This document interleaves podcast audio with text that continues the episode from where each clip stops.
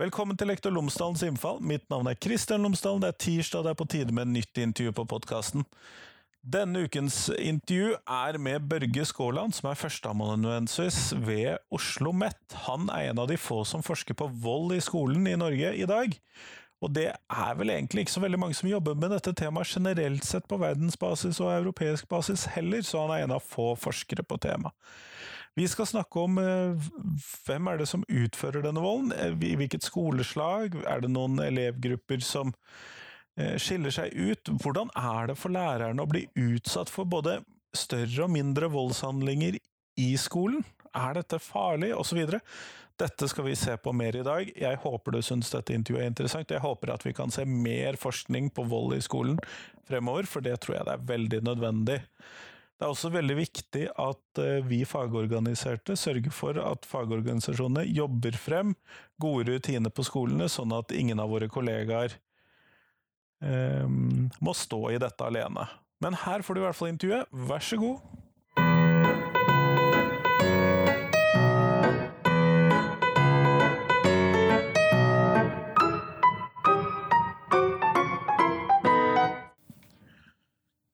Børge Skåland, tusen takk for at du har tatt tid til meg i dag. Før vi starter selve intervjuet, kunne du fortalt lytterne mine tre ting om deg selv, sånn at de kan bli litt bedre kjent med deg. I bunn og grunn lærer. I bunn og grunn eh, spesialpedagog. Og i bunn og grunn tilhører stammen Rygane, en av de fire stammene som seira slaget ved Hafrsfjord. Ja, nettopp, nettopp. Nå skjønte jeg. Kjempeflott. Det vi skal snakke om i dag, er noe av det som du jobber med ved Oslo OsloMet, hvor du har eh, jobbet mye med eh, vold, og vold mot lærere særlig.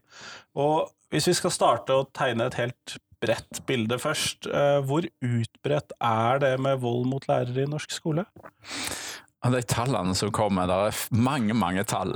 Og i vitenskap så har vi blitt så opptatt med å telle tall at vi har glemt uh, subjektene, de som blir utsatt for det. Ja, for det er mange enkelthistorier. Ja, veldig mange enkelthistorier, og alle er forskjellige. Men, uh, men uh, det ser ut som om det er en plass mellom 4, 8, 20 30% Du kan finne alle disse prosentene eh, som blir utsatt for vold eller trussel om vold. Eh, det er aller størst i, eh, blant de som jobber med de aller minste, så i småskolen. Og det er minst på eh, videregående. Det er ganske få, og spesielt eh, de som er på øverste trinn. På allmenn er det nesten fraværende at vold og trussel om vold forekommer.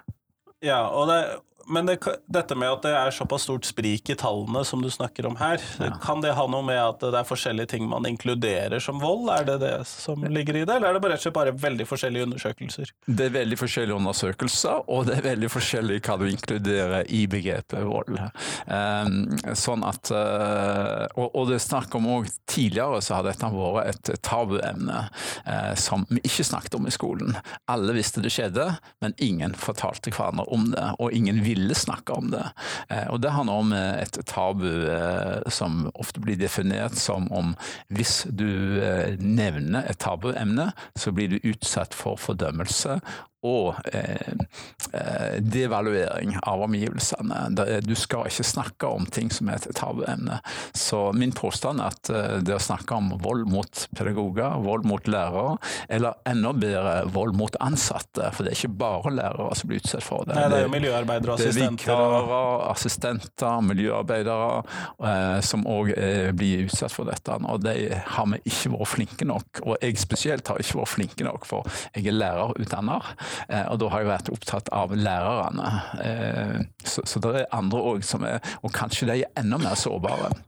Nettopp, nettopp. Ja. ja. og de har jo en annen arbeidssituasjon en annen kontakt med elevene osv. Veldig. Og som en assistent skrev til meg nylig, eh, hun anklagde meg for at jeg ikke hadde tatt nok hensyn til assistentene. For eh, ofte så var det assistentene som, når læreren ga opp, så sendte de det ut av klasserommet, og så ble det opp til deg å ivareta de aller eh, mest utagerende. De som hadde minst utdanning og fikk minst støtte, eh, og var lavest på rangstien.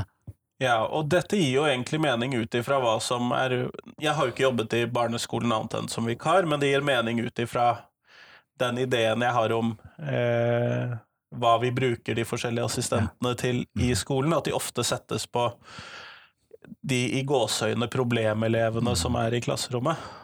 Og det øker vel antagelig voldsfaren, ville jeg tro. Ja. Men sånn at du snakker altså om et eller annet sted mellom rundt 1 av 10 til 1 av 30 lærere et Ja. eller annet sted. Yes. Uh, men du sa også at det var mest blant de, eh, de som underviste de yngste barna. Ja. Eh, Vet vi noe om hvorfor det? Da, nei, det er lite kunnskap om det.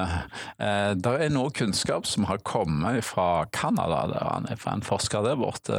Som dette har noe med Hun snakker om instant gratification på engelsk. At eh, barn nå Tidligere, i min barndom, jeg begynner å bli en gammel mann, eh, så var jeg jo veldig vant med å ha det kjedelig og måtte vente. Det er ikke barn lenger. Eh, nå har de en iPad som når de gir lite signal, så får de instant, umiddelbar tilbakemelding. Det fins til og med, fortalte hun, og du kan slå det opp på internett, eller lytteren kan slå det opp på internett, det fins eh, potter for småbarn med et stativ for iPaden. Eh, sånn at eh, når de da kommer og skal begynne som ganske små i skolen og må vente på tur, eller det er noe de er misfornøyd med, og de ikke får umiddelbar respons av de voksne, så vil det føre til en så stor frustrasjon at det kan ende ut i vold. Nettopp, nettopp. Uh, og der lå egentlig et, kanskje et stikkord til mitt neste spørsmål der, fordi at uh, jeg innbiller meg i hvert fall at en del av volden på barneskolen nettopp går på dette med frustrasjon, enten det er fordi at man ikke klarer å uttrykke seg, eller ikke klarer å delta sosialt, eller en del sånne ting. Stemmer det overens med det som du ser i det du jobber med? Ja, det stemmer. Men i tillegg til det perspektivet her, så er det jo det perspektivet med at uh, foreldre er ofte veldig opptatt på veldig mange arenaer. Sånn at de vil ikke ta den kampen som heter grensesetting, med at uh, voksne bestemmer. Så lar de barn bestemme for å ha det harmonisk den korte tida de er sammen, mellom f.eks. barnehagen og skolen, og før de skal på trening eller fritidsaktivitet for seg sjøl. Uh, sånn at da blir det opp til lærerne og, måtte, og de andre voksne, eh, assistentene, å sette de grensene som foreldrene ikke vil pga. de syns det er ubehagelig å måtte gjøre den, den å være tro mot voksenrollen. Eh, så det er en, en uttrykk som jeg syns er veldig godt, som heter eh, voksne har i en del tilfeller nå abdisert ifra voksenrollen med at vi bestemmer, vi vet best. Og I en periode så trenger barn det, og hvis de ikke får det, så kan det bli ganske mye frustrasjon. Nettopp, nettopp. Eh, men når vi da ser på denne volden, så kan jeg jo tenke meg at man i hvert fall utenifra kan møte en sånn Men dette er jo småbarn, dette er jo Mm. en ettåring, to Nei, ikke ettåring. Førsteklassing, andreklassing eh, osv. Det kan da umulig være så alvorlig. Ja, nei, Det var litt av det som, som var den store overraskelsen i, eh, i, eh, i forskninga mi når jeg tok doktorgraden og skrev en avhandling om dette. Det var at eh, en krenkelse fra en fem-seks år gammel barn kunne være like alvorlig som en eh, krenkelse, en voldshandling fra en 18 år gammel eh, elev på videregående. Så den subjektive erfaringen, den Og så er det jo forskjellig òg med hva læreren kommer inn med av egen personlig eh, erfaring. Det det er mange voksne eh, som òg har eh, sår i, i sin oppvekst, eh, som har, bærer på sårbarheter, som da blir eh, blir åpna opp når du blir utsatt for en så alvorlig krenkelse. Og der er det er en, en, en, belgisk forsker som sier at, at det er det er elevene som gjør lærere til lærere. Og den syns jeg er litt god, den. For det er, den læreridentiteten det er resultat av kommunikasjonen du har med elevene. Og hvis du da plutselig blir krenka, blir skjelt ut, trua eller til og med slått, så er det ikke bare selve handlingen, men det er noe med hvem en er som lærer. Identiteten, den troen på seg selv som lærer som smuldrer bort. Og Det er to norske forskere som kaller dette for et psykologisk jordskjelv når blir utsatt for vold. Det syns jeg er et godt og betreffende uttrykk. Og jeg hadde to lærere i mitt materiale som, som fortalte at de, de, tenkte at et lite slag, det spiller ikke noen rolle. Og så kommer de hjem på, på etter, etter skolen, og så går de totalt i, i altså bare får panikk, begynner å hyperventilere. Begge to måtte oppsøke legevakten og måtte få beroligende fordi at det var noe i grunnvollene som hadde blitt eh, smadra. Og det er veldig vanskelig for en kollega å sette seg inn i et lite slag fra en liten eh, elev. Var det så nøye? Ja, det kan være veldig farlig, veldig skummelt. Og det kan gjøre noe med hele opplevelsen av seg sjøl og hvem du er. Og en annen forsker, Nias, eh, sier det er ofte et veldig lite skille mellom hvem du er som menneske, eller hvem du oppfatter å være som menneske, og hvem du er som lærer. At det er to sider av samme sak. Så en uh, voldshandling mot en lærer, det er en krenkelse av hele mennesket deg. Ja, og uten å ha vært utsatt for disse handlingene, sånn at jeg ikke klarer å relatere helt til den biten, så kan jeg forstå dette veldig godt ut ifra hvor mye av meg selv jeg legger i lærerbiten mm. av min identitet. Yes. Ofte først og fremst lærer. Ja. Eh, og Det så du når du spurte om hvem er du?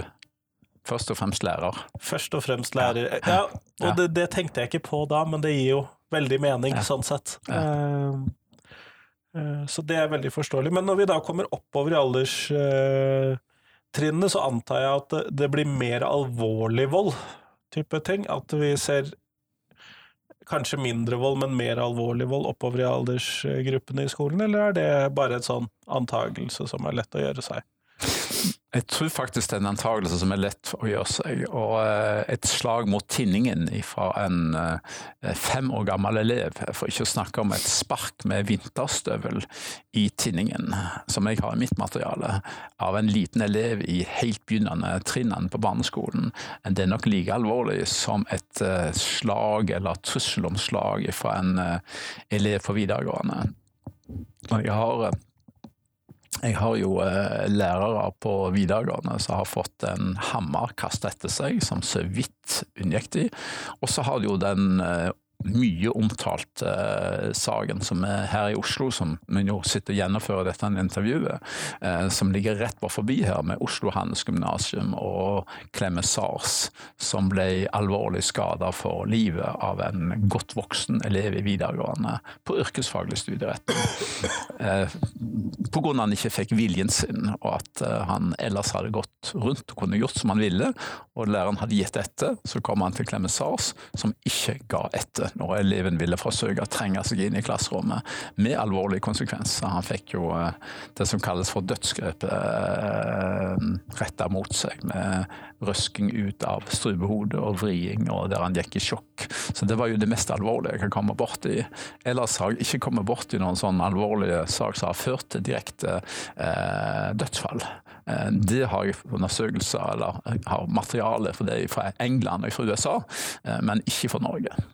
Ja, det er jo for så vidt godt at vi har vært forskånet for, selv om det da også har vært, eh, som du sier, veldig alvorlige saker. Yes.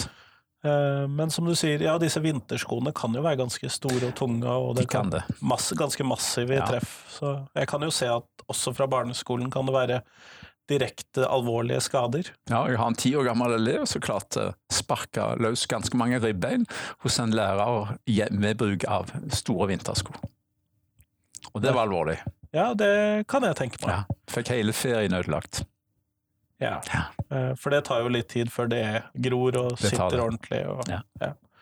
Nei, sånn at Alvorligheten er jo tydeligvis eh, skal ikke undervurderes heller i barneskolen. Det har jeg gjort Nei. til nå, da. Jeg har tenkt at mange ting kan bli krenket osv., og, så videre, og at man kan oppleve det som veldig alvorlig, men mm. at det skadepotensialet var så mye større lenger opp. Mm. Men du sa at det var eh, nesten ingenting på studiespesialiserende i VG3? Ikke i mitt materiale, og det jeg kan komme over. Det er veldig lite. Eh, vet vi noe om hvorfor? Eller har du noen antakelser om hvorfor? Nei, Det kan jo ha noe med modenhetsgrad og valg av, av uh, studier. og um, De da som er lite skolemotivert og har mange nederlag fra før av, uh, når de da kommer i videregående og velger yrkesfaglig og får for mye teori og syns det er tungt, og kanskje står i fare for å stryke i det faget, teoretiske faget, det har jeg vært borti flere tilfeller da de sier til læreren at Eh, hvis du ikke gir meg bestått karakter, så kommer noen ting til å skje med deg som har ført til veldig store eh, konsekvenser for de lærerne som opplever det. For de lurer på hvor mye vold er de i stand til å utøve. Alt ifra drapsforsøk til å tanke om de kommer til å tenne på huset i natt, eller de kommer til å slå meg i eh, hodet med en hammer når jeg går forbi i kantina. Helt sånn konkrete ting har det ført til hos mange av informantene som jeg har intervjua omkring dette. Og trusler kan jo være ganske skadelige i seg selv. Så. Jeg, sånn som jeg fant i mitt materiale, så så jeg ikke noe forskjell på om det var trussel om vold eller eh, å være direkte utsatt for vold. Jeg så ingen forskjell i det. Heller ikke så jeg forskjell i, i eh, kjønn, om du var mann eller kvinne. Og heller ikke så jeg noe forskjell. Nå har ikke jeg stort materiale i mitt, jeg var mer opptatt av å få den subjektive.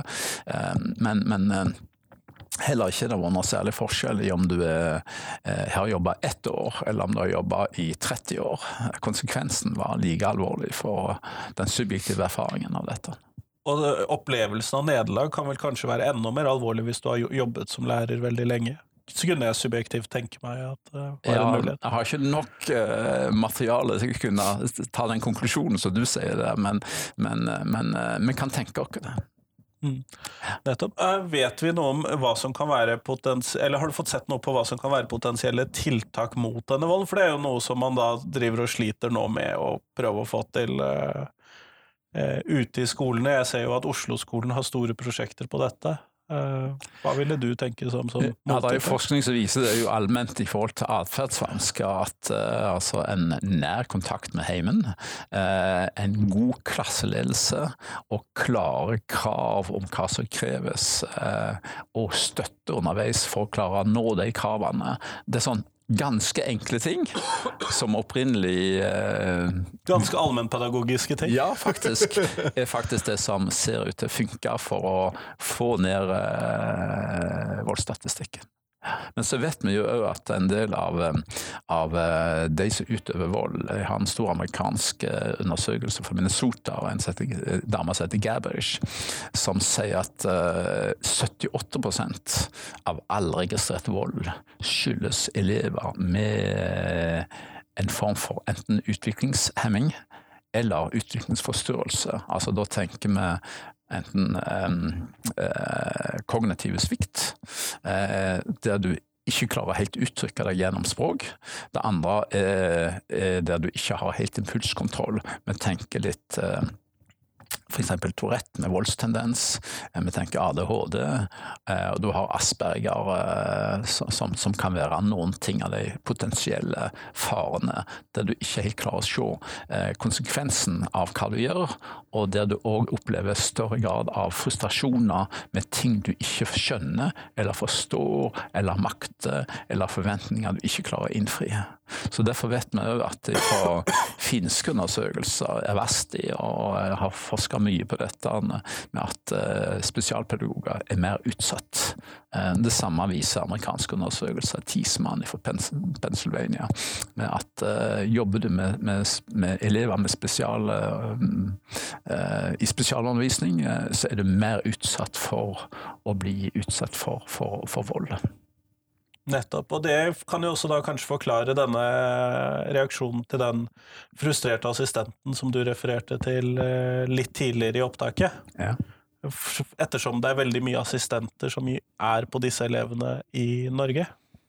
I hvert fall slik som jeg oppfatter det. Nei, Det viser jo den store undersøkelsen som, som eller rapporten som Barneombudet utga for eh, to år siden, eh, der du ser et omfattende bruk av assistenter i stedet for spesielt utdanna eh, spesialpedagoger til å håndtere de aller vanskeligste og mest utagerende elevene.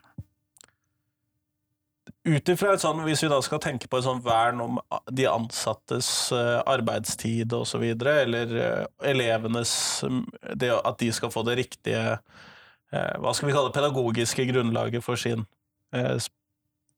tilpasset opplæring, så høres det jo ut som den assistentbruken er hva skal vi kalle feil, da. Ja, den, den, den, den er ja, av og til for morsomhet eh, kalt, og det er faktisk bildet hentet fra Barneombudet. Det er som om hvis det kommer en med stor, omfattende hjerneskade til et sykehus, så spør du kan vi få hjertespesialisten til å operere. Nei, nei, nei, han har ikke tid. Ja, kan vi da få en utdanna lege? Nei, nei, nei, det er opptatt med andre ting. Ja, Hva med da med en fagutdannet assistent? Nei, nei, nei, det har helt andre ting. Du må ta eh, portøren på sykehuset han er det som skal jobbe med operasjonen på hjernen. Eh, og det blir jo helt, helt sånn eh, absurd å snakke om det, men det er for å få bildet over på skolen der det kommer folk. Og det viser seg jo, det er det òg gode undersøkelser fra England på, at assistenter er jo bare henta tilfeldig gjennom kjennskap eh, inn til skolen, og ofte har de null bakgrunn for å sette i gang med de mest kompliserte og vanskeligste sakene.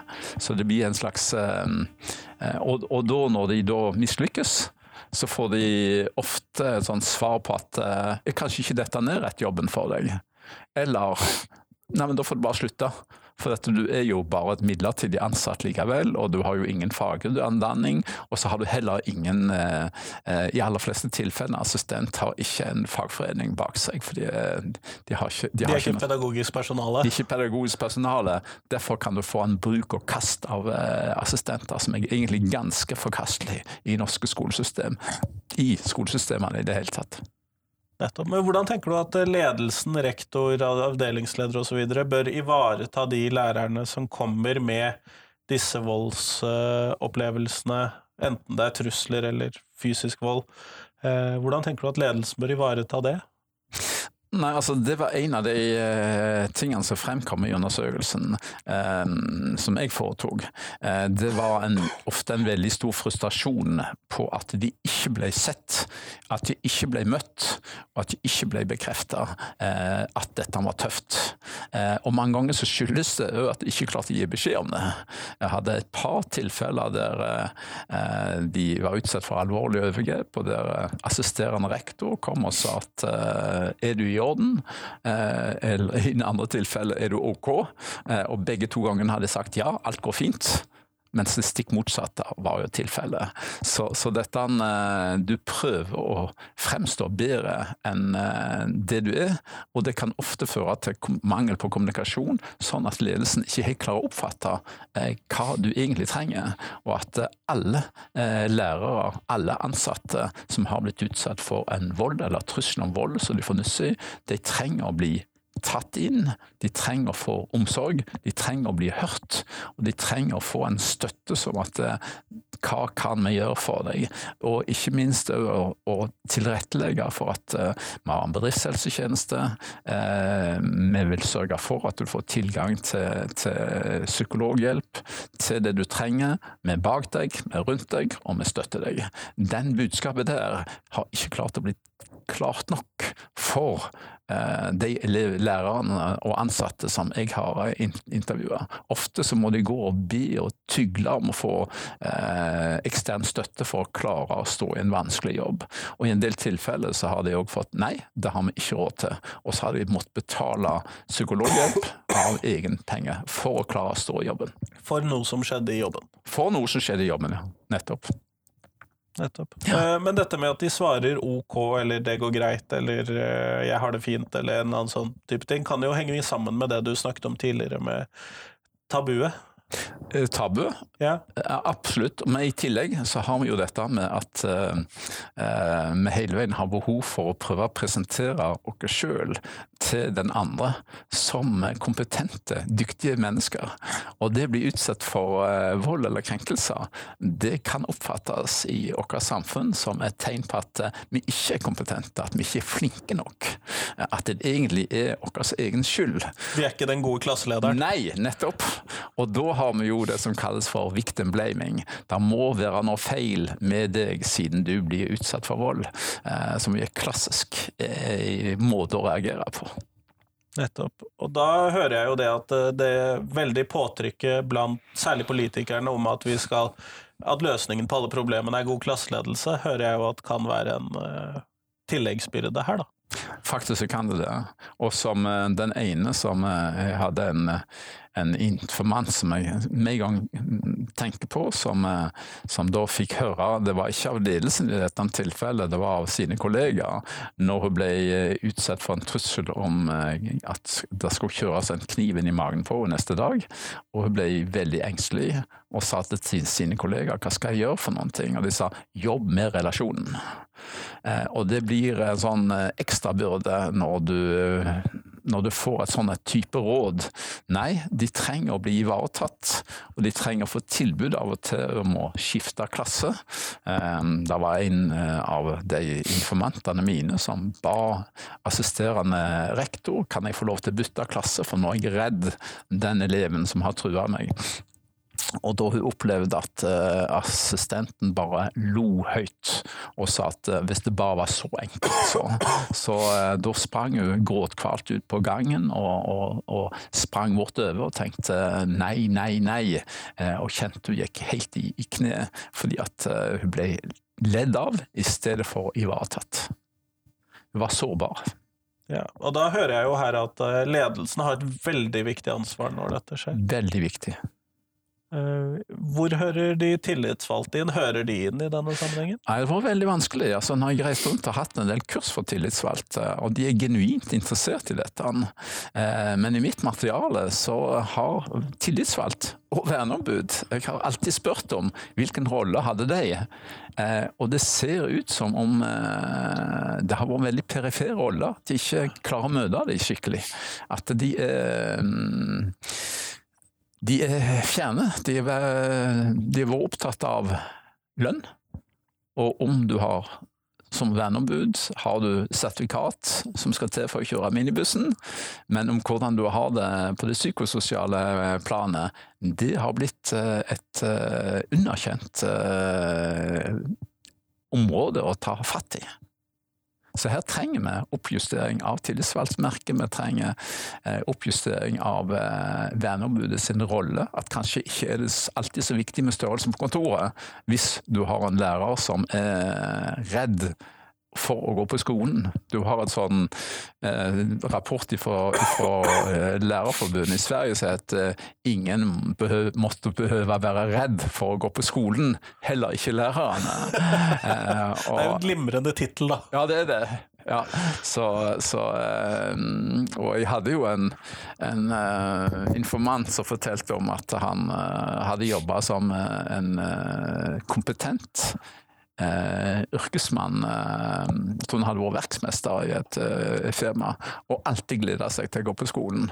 Og så ble han trua av en elev, og så våkna han for første gang med at han brydde seg. Og hadde ikke lyst til å gå på skolen.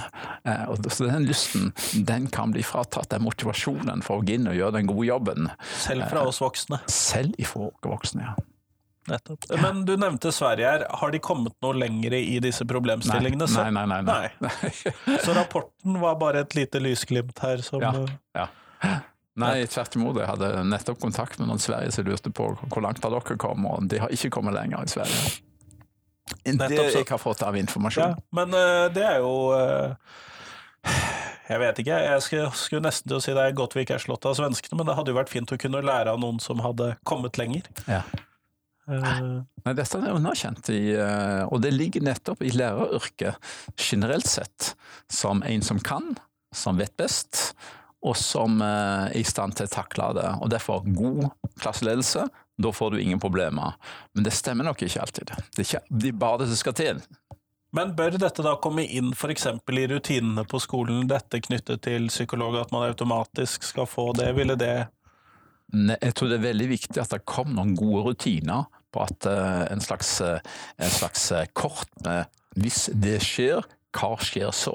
Jeg var nettopp oppe i en, en intervju med en rektor oppe i Bodø som fortalte at der hadde de sånn kort som viste helt klart på hvis det og det skjer, eh, så skal det det skje. Eh, det som kanskje var ulempen, var at de ikke øvde på det jevnlig og tok det opp. fordi at eh, det nytter ikke å ha eh, god struktur hvis du ikke har et miljø. Og, og hvis du ikke husker at du har strukturen, Nettopp. hvis den bare ligger der i Yes. skuffen. Ja. Nettopp. Sånn at eh, rutiner og følge opp de rutinene kan hjelpe. I hvert fall når det det er skjedd. Pluss at hvis du har eh, rutine, så er det ikke nok. Du må ha et miljø som sier at det er ok å ikke alltid fikse jobben. Det er ok å komme og si en dag at eh, nå er jeg redd, eh, eller nå har jeg gått ned i kjelleren. Kan vi snakke om det? Det må være mulig. I stedet for så opplever mange at nå er vi ferdig med den saken, og nå går vi videre. Med stor frustrasjoner, for da blir de sittende med det alene. Nettopp, nettopp, nettopp. Det hører jeg er en klar og tydelig utfordring. Ja. Eh, Men det høres også ut som noe som de, eller vi, eh, jeg er jo også tillitsvalgt på jobben, eh, vi har et ansvar med å sørge for at vi har disse rutinene har de skjemaene klare for hva skjer da. Ja, men, men igjen som jeg sier at eh, hvis du har en god struktur, men ikke et miljø, Så hjelper ikke det. så da. hjelper det ikke, for miljøet overvinner alltid, trumfer alltid gjennom. Så hvis miljøet sier at eh, her eh, fikser vi alt, og jeg, jeg syns den sterkeste, en av de sterkeste uttalelsen som eh, kom på Du er tillitsvalgt, eh, som kom fra en lærer som hadde mer enn 30 års praksis, så sa hun blant eh, lærere så finnes det ingen solidaritet. De sier 'stakkars deg', men bak ryggen din så hoverer de. Eh, og de tenker automatisk 'jeg ønsker å bli populær blant eh, elevene'. Og jeg ønsker å være populær eh, og godt ansett av min leder. Så det er godt det ikke rammer meg. Og Det syns jeg var ganske sterkt. Det var rett før jeg skulle gå ut med pensjon, så uttalte hun det. Og det, jeg trodde at jeg trodde før jeg eh, begynte å gå i dybden på dette, at lærerne skulle være mer solidariske, men de er ikke det. Tvert imot så viser mye forskning at lærer, lærere, trass i at de er sammen med elever hele dagen, eh, og trass i at eh, de er hele veien med kollegaer, det er et ensomt yrke. Og Derfor trenger vi egentlig gode rutiner, men enda bedre et åpent, godt miljø for å være en inkluderende og et sted der vi kan komme òg når ting blir vanskelig. Nettopp, nettopp. Jeg hører at det er en del utfordringer vi må jobbe med der. Eh, Jeg hører det. Eh, Vi går mot slutten av podkasten, og da vil jeg gjerne stille deg det samme spørsmålet som jeg stiller til alle de jeg intervjuer. Eh, Hvis noe skal ut av skolen, eh, og du fikk lov til å bestemme hva det skulle være, hva vil du kaste ut av skolen? Ja, nå er jeg litt i tvil eh, på det første, men eh, jeg holder på å veilede en, eh, en flott eh, lærer oppe i Nord-Norge som har forska på bruk av lekser. Og jeg ser at det ofte blir så negativt lada og skaper så mye frustrasjoner blant foreldre, men òg blant eh, elever som tar ifra de den gode delen av barndommen. Så jeg tror faktisk jeg ville hatt, eh, under tvil, fått ut leksene. Latt de bli ferdig med det de skal bli ferdig med på skolen, sånn at uh, fritida deres kan være for å være sammen og gjøre gode opplevelser med familien, og ikke minst styrke gode fritidsaktiviteter sammen med jevnaldringer. Så det ønsker jeg å ta ut. Det savner tvil, men etter jeg har jobba med han eh, flinke studenten oppe i Nord-Norge som jobber i PP-tjenesten der, så, så er jeg blitt mer og mer overbevist om at eh, få bort leksene. Kjempeflott. Tusen takk for at du tok deg tid til meg i dag. Bare hyggelig.